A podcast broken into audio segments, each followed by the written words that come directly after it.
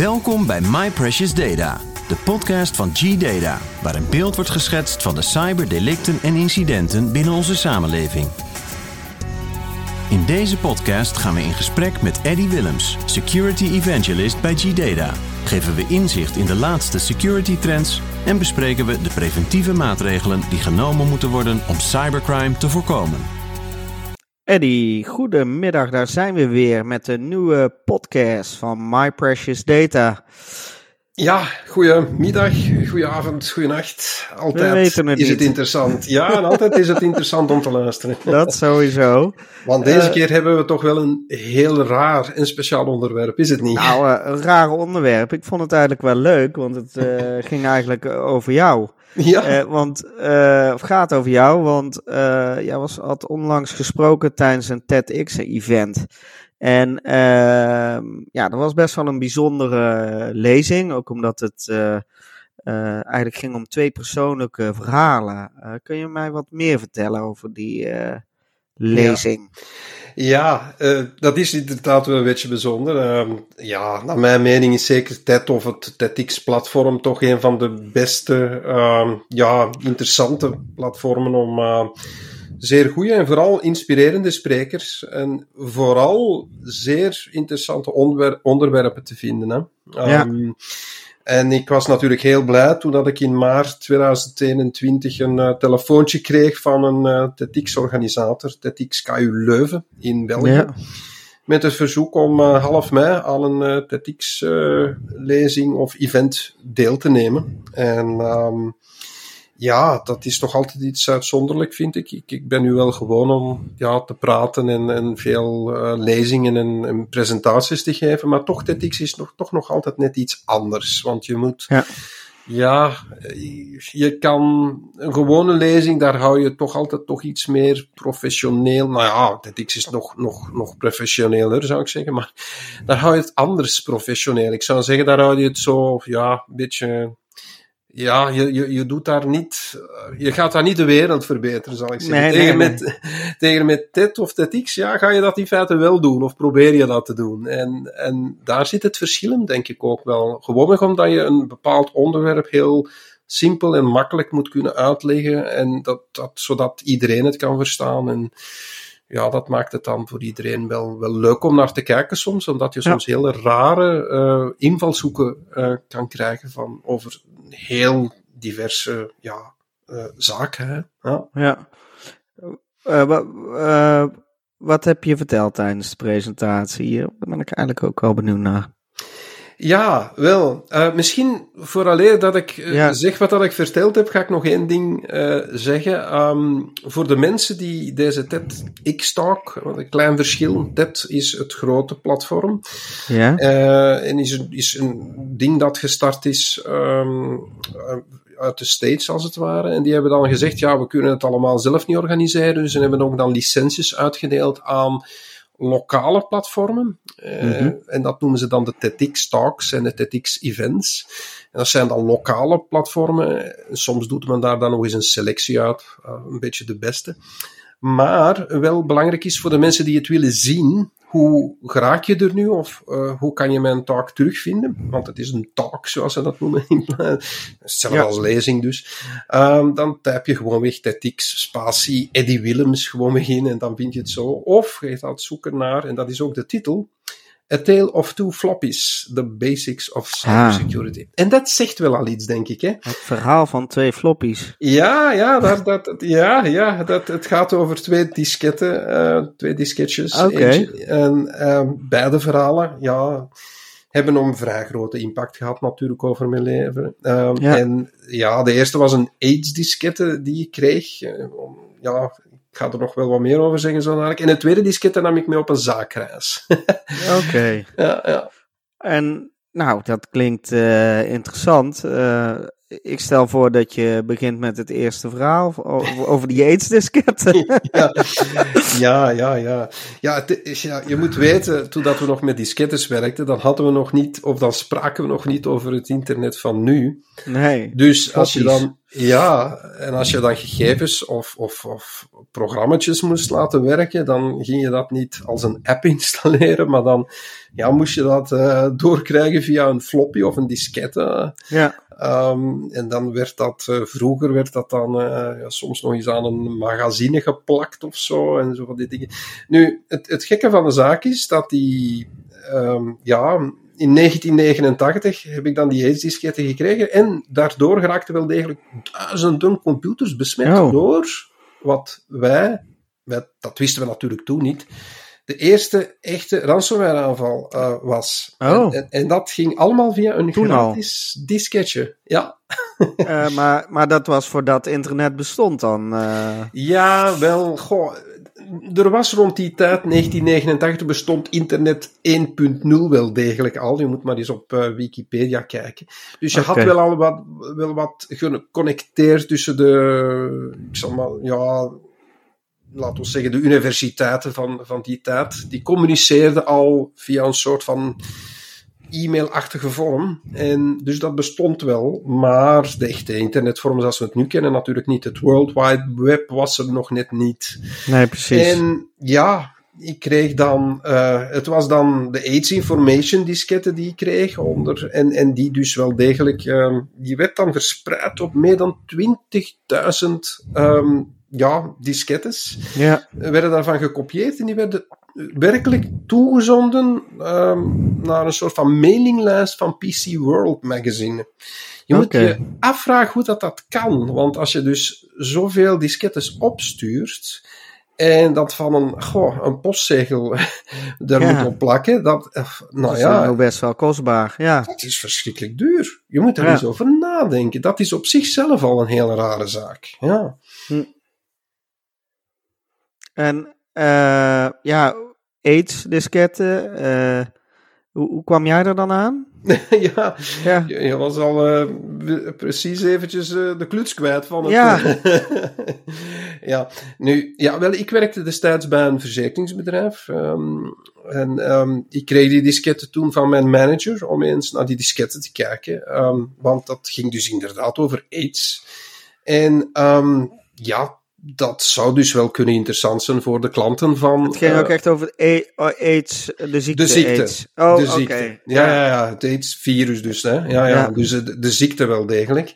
En ehm, dus vandaar dat eh, mijn manager toen naar mij kwam vragen van Eddie, kijk jij eens of dat dit interessant zou kunnen zijn voor onze klanten. Oh ja, op die manier. Bij een verzekeringsfirma heb je heel veel klanten.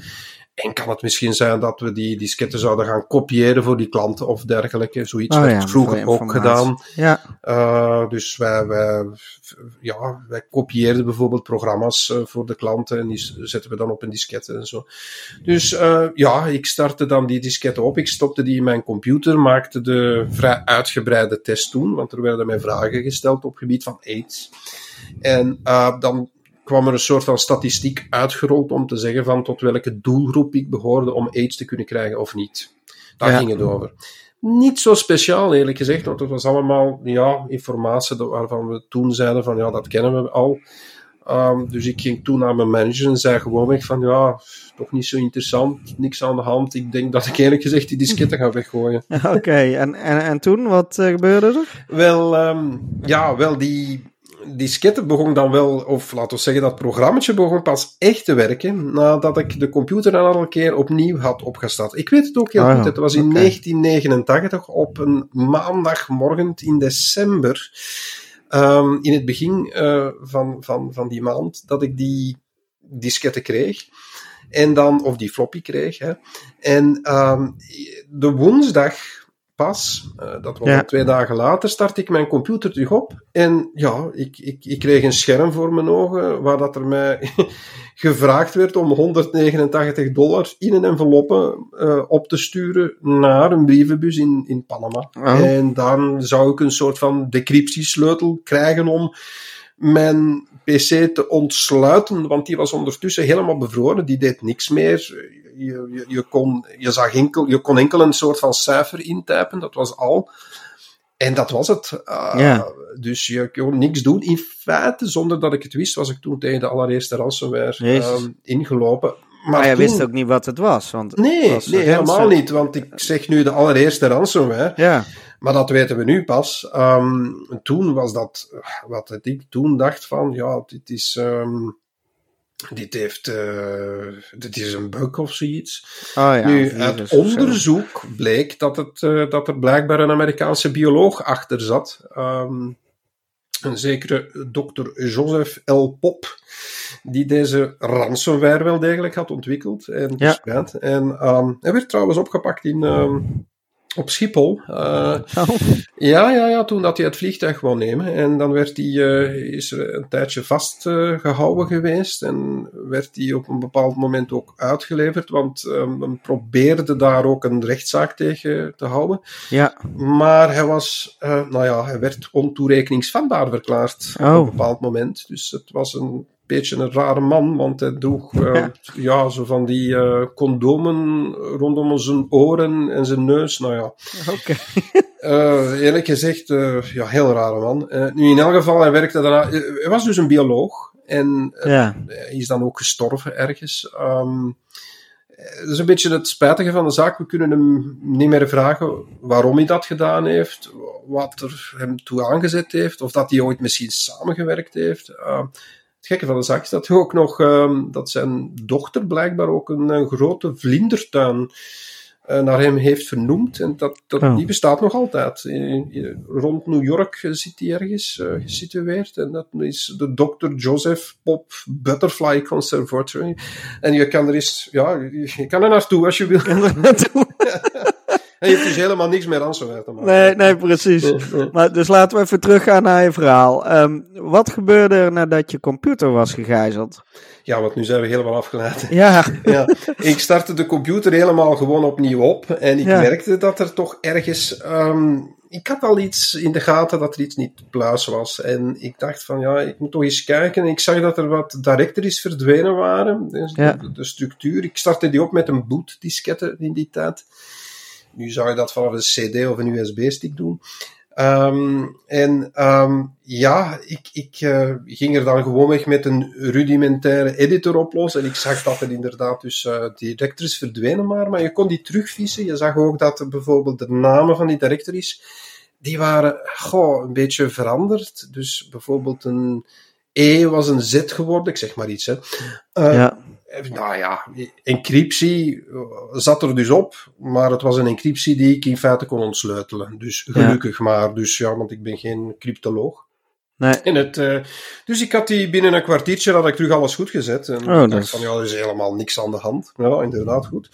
En dan ehm, een paar dagen later eh, hoor ik de, dan op het eh, tv-journaal van het VTM-nieuws hier dat er eh, zoveel miljoenen schade was en dat er geen oplossing was. Ik dacht van ja, dat klopt niet, want ik heb een oplossing. Dus ik Ja. bel naar het journaal en dan ja, is me de volgende dag het, eh, eh, ja, is, is, heeft men er echt een nieuwsitem over gemaakt. En zo ben ik voor de allereerste keer in het nieuws gekomen. Was mijn allereerste tv-optreden ja. eh, in 1989. Ja. En je had er nou een heleboel mensen geholpen zo. eh, lijkt Ja, klopt, want ik had dus inderdaad een echte oplossing en eh, dat werd dan ook later gepubliceerd in een heleboel kranten. En ik kreeg dan nou ja, van alles toegestuurd, eh, boeketjes, eh, flessen wijn, chocolade, dat is leuk. Ja. Ja. Nou ja, Oh, dat is een bijzonder verhaal. Eh, en, en waarom heeft dit dan zo'n impact gehad op je leven? Wel, het betekende ze voor mij wel een beetje het begin van mijn carrière. Hè? Dus Ja. ehm, niet direct, hè. het heeft wel een paar jaar geduurd voordat ik begon me aan te interesseren. Ik ging dan, twee, twee jaar later, ging ik naar de allereerste constitutionele, dat betekent dus de oprichtende ehm, conferentie Mhm. van eh, de EICAR-organisatie hier in Brussel. Dat was toevallig Ja. in Brussel. En ik dacht, ah, dat is kortbij, dus ik, ik, eh, ik woon daar niet zo ver vanaf. En ik dacht, ik ga daar naartoe. En ik, ik, ja, ik zag daar dan de bekende mensen opduiken eh, die toen der tijd eh, belangrijk waren voor eh, de security-industrie op dat moment. Dat was ongelooflijk fantastisch Ja. voor mij. Ik dacht van, ah, ik uh, geraak nooit in die wereld in, maar dit is wel een heel boeiende wereld. En dan ben ik ja. in feite van die ICAR-organisatie uiteindelijk terechtgekomen in een boel andere dingen. Mm -hmm. Ik ben dat terecht bij Data Alert. Was dan een soort van um, distributeur van Dr. Solomon software. Daar geraakte ik uit. Dat werd dan voor, hervormd tot Nox, dat een uh, drie distri security distributeurs van de Benelux uh, ja. bevatten. Uiteindelijk ben ik dan bij Kaspersky Lab uh, terechtgekomen, bij de Russen. Ja. En uiteindelijk ben ik bij, ja, bij ja, de Duitsers terechtgekomen, bij G-Data. Ja. ja. En waar ik dus in feite al het langst vertoef van um, ja. alles wat dat ik ooit gewerkt heb, uiteindelijk. Dus, nou ja, je ziet maar hoe dat een dubbeltje kan uh, draaien en, en vallen.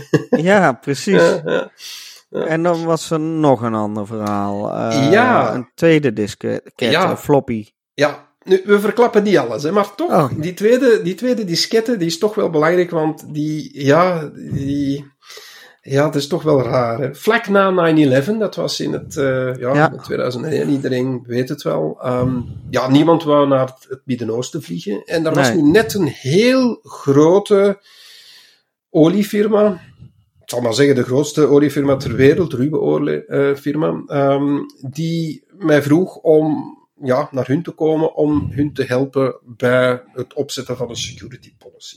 Ja.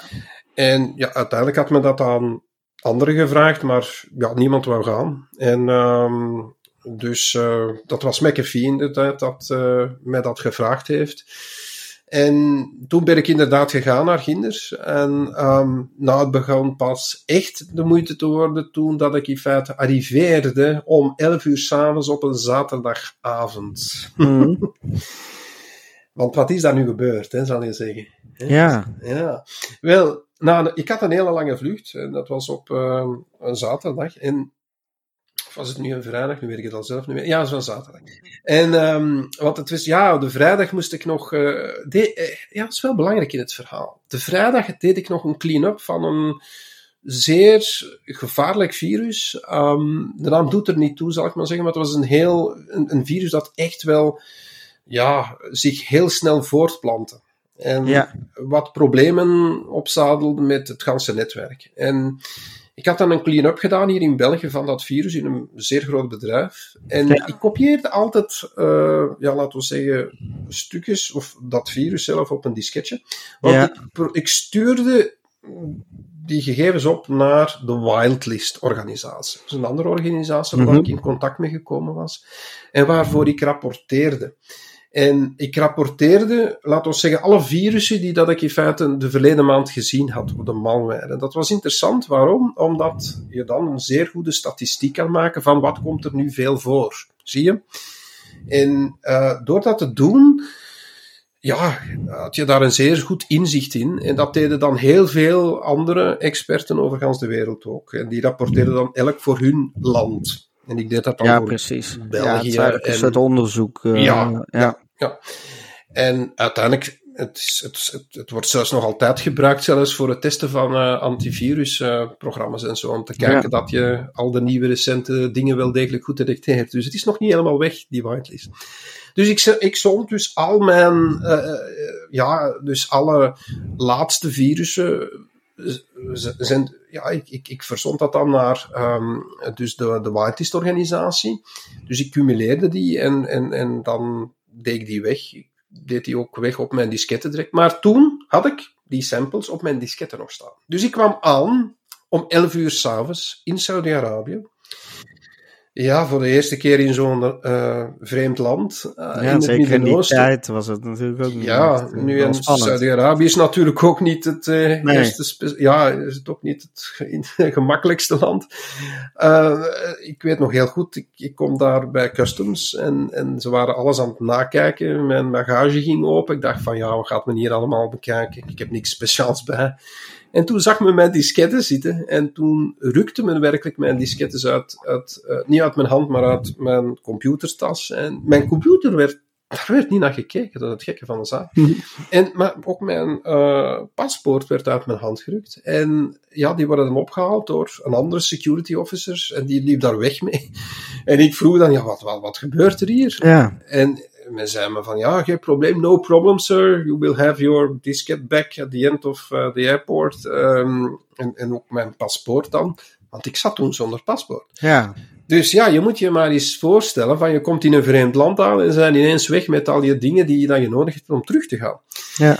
Um, dus dan, um, ja, dan ben ik uh, naar dat uh, kantoortje gelopen op het einde van die, uh, van die luchthaven. En dan zag ik die man daar zitten. Die zat zo in een grote visbokaal. Je weet, zo'n Ja. grote venster dat je door kan kijken in zo'n office.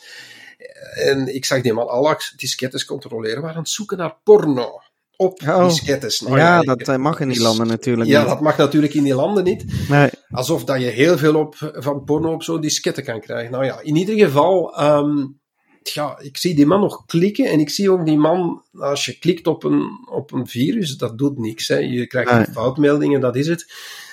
Soms, eh, als je dat al krijgt. En nou ja, ik zag dus een netwerkkabel uit zijn toestel komen. Ik dacht van, oh, dit loopt hier niet goed aan. Maar toch, ik kreeg mijn disketten terug. Ik kreeg mijn paspoort terug. Ik ben weggelopen. Ja. Naar, nou, nou ja, direct een taxi gepakt naar mijn hotel. Ik was weg. Ja, Gedaan, prima. dacht ik. Ja, nou, dan kom je goed weg. Ja, wel. Goh, eh, dat is een andere zaak, want ik moet tien dagen later, ja, was mijn job gedaan. Ja. Ik had alles mooi uitgevoerd. Ik eh, wou terug eh, het vliegtuig opstappen. Ik kom aan, dat, aan die luchthaven terug. En ik zie een, een, een menigte, een, een volk, een massa menigte. Ik dacht van, wat is hier aan de hand? En Ja. al- allemaal mensen. Ik kwam aan die, ja, die, die, die man, de check-in balie. En ik, hoor het, ik, ik, ik krijg ineens een, een geschreven boarding pass. Ik dacht van, wat is hier aan de hand? Na drie uur, hè, want ik had dan drie Ja. uur aangeschoven. Ehm, en ik dacht van, wat is hier aan de hand? Ik vraag aan die, die man, ja, wat is hier aan de hand? Eh, zoveel volk. Eh, ja, ja, ja, we kunnen niks meer afdrukken. Ja, het is toch al tien dagen geleden dat het begonnen is. Nou ja, dus ik Ja, had was precies toen jij op de luchthaven was. ja, ja, dus dat betekent dat ik waarschijnlijk, ik heb het nooit helemaal gezegd gehad tot nu toe. Ik heb er ook in Virus Bulletin een magazine een artikel over geschreven in die tijd. Maar toen heb ik het in het midden gelaten of dat ik die, die vlieghaven geïnfecteerd heb. Maar ik denk van wel. Ja, Eh, en, en ja, dat is het tweede verhaal dat ik eh in feite uit de Ja. doeken doe. Ehm, maar dus ja. die douanier die heeft per ongeluk de luchthaven platgelegd met jouw diskettes. Ja, klopt. Ja, ja, ja, ja. Maar ja, ik heb hem gewaarschuwd. Hè. Ik, ik heb hem gezegd, I'm an antivirus expert. Je, je Ja, ja. moest eens weten op dat moment hoeveel rare blikken ik kreeg van al die mensen rondom Die mij. snapte er niks van. eh. Ja, die dachten van, oei, oei, dat is een biologische... Ja, je kent dat. Ja. Ik moet het nu niet meer uitleggen. Als je zoiets roept nu in een vlieghaven, dan... ja, En je dan- zegt van, oei, er zitten virussen op een diskette, dan, dan loopt iedereen weg, denk ik. Ja. Ehm, ja, dat was een beetje hetzelfde toen al. Ehm, maar ik zei er dan wel achteraf nog bij, ik ben een computer-antivirus-expert. Maar Ja, dan nog, het, het klonk heel raar. Maar ik had ze gewaarschuwd, ja, ja. ja. Nou ja, dus hoe het verkeerd kan lopen, hè. ja, nou, dat zijn echt eh, twee eh, hele interessante verhalen. Maar ook wel, denk ik, verhalen die eh, echt een rode draad vormen rondom jouw carrière. Eh, ja, wat, wat kunnen we eigenlijk nog meer in de toekomst verwachten van malware?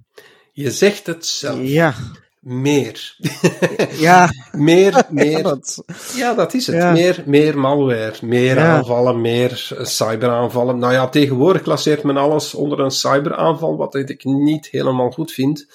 Want dat betekent concreet gezien dat we dus vroeger ook al in feite van cyberaanvallen hadden moeten spreken. Maar dat deed men niet. Vroeger zei men, oh, een virus gevonden op een netwerk. Dus in feite moet je dus wel degelijk... eh, ik, ik vind dat men dat iets beter zou moeten zeggen tegen de mensen wat er gebeurt. Dus, Ja. Maar ja, kortom gezien, eh, ja, we gaan meer krijgen van alles. eh, het, het, meer gesofisticeerd. Dus het, het, het gaat niet weg. Hè. Dus dat is duidelijk, want dit, is, ja, dit zijn elementen die 30 jaar, meer dan 30 jaar, meer dan 20 jaar geleden gebeurd zijn geweest.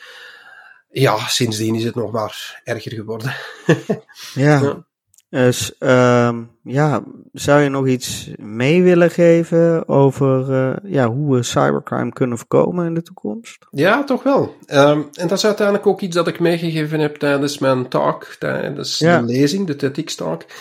Ehm, maar dan moet je toch nog kijken, want er zitten toch nog een paar andere dingetjes in. Ehm, Wel, ik zou zeggen, ik heb er ooit een wet over gemaakt. En dat is namelijk dat een cyberprobleem in feite altijd afhangt van twee elementen, twee factoren. Dat is namelijk Ja. de menselijke factor en technologische factor.